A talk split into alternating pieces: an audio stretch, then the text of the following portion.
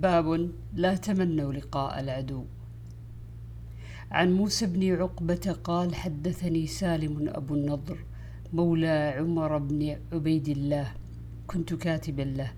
قال كتب إليه عبد الله ابن أبي أوفى حين خرج إلى الحرورية فقرأته فإذا فيه إن رسول الله صلى الله عليه وسلم في بعض أيامه التي لقي فيها العدو وانتظر حتى مالت الشمس. ثم قام في الناس. فقال أيها الناس لا تمنوا لقاء العدو وسلوا الله العافية فإذا لقيتموهم فاصبروا واعلموا أن الجنة تحت ظلال السيوف. ثم قال اللهم منزل الكتاب ومجري السحاب وهازم الأحزاب اهزمهم وانصرنا عليهم. وفي رواية لا تمنوا لقاء العدو. عن أبي هريرة رضي الله عنه عن النبي صلى الله عليه وسلم قال لا تمنوا لقاء العدو فإذا لقيتموهم فاصبروا.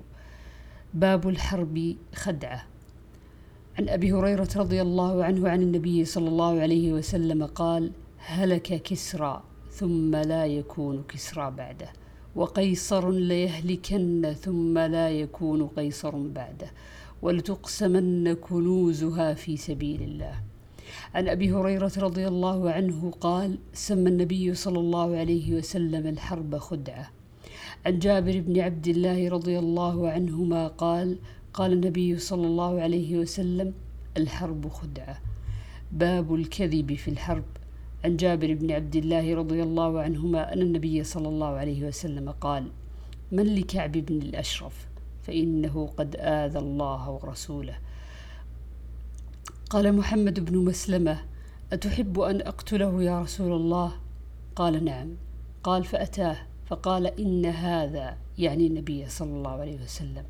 قد عنانا وسألنا الصدقة.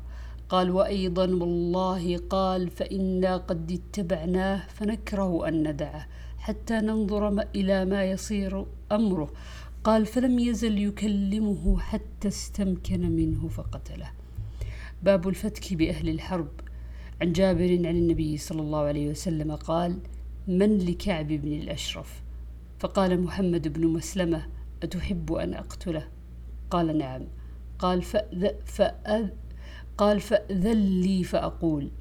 قال قد فعلت. باب ما يجوز من الاحتيال والحذر مع من يخشى معرته.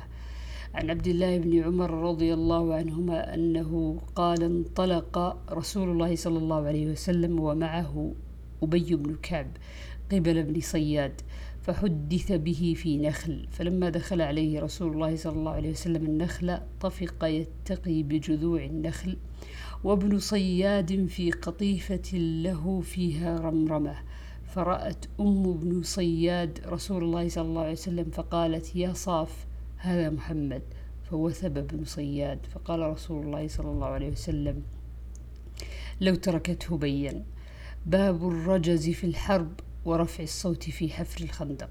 فيه سهل وأنس عن النبي صلى الله عليه وسلم وفيه يزيد يزيد عن سلمة. عن البراء رضي الله عنه قال رأيت النبي صلى الله عليه وسلم يوم الخندق وهو ينقل التراب حتى وار التراب شعر صدره. وكان رجلا كثير الشعر وهو يرتجز برجز عبد الله. اللهم لولا أنت ما اهتدينا ولا تصدقنا ولا صلينا فأنزلا سكينة علينا وثبت الأقدام إن لاقينا. إن الأعداء قد بغوا علينا إذا أرادوا فتنة أبينا يرفع بها صوته. باب من لا يثبت على الخيل.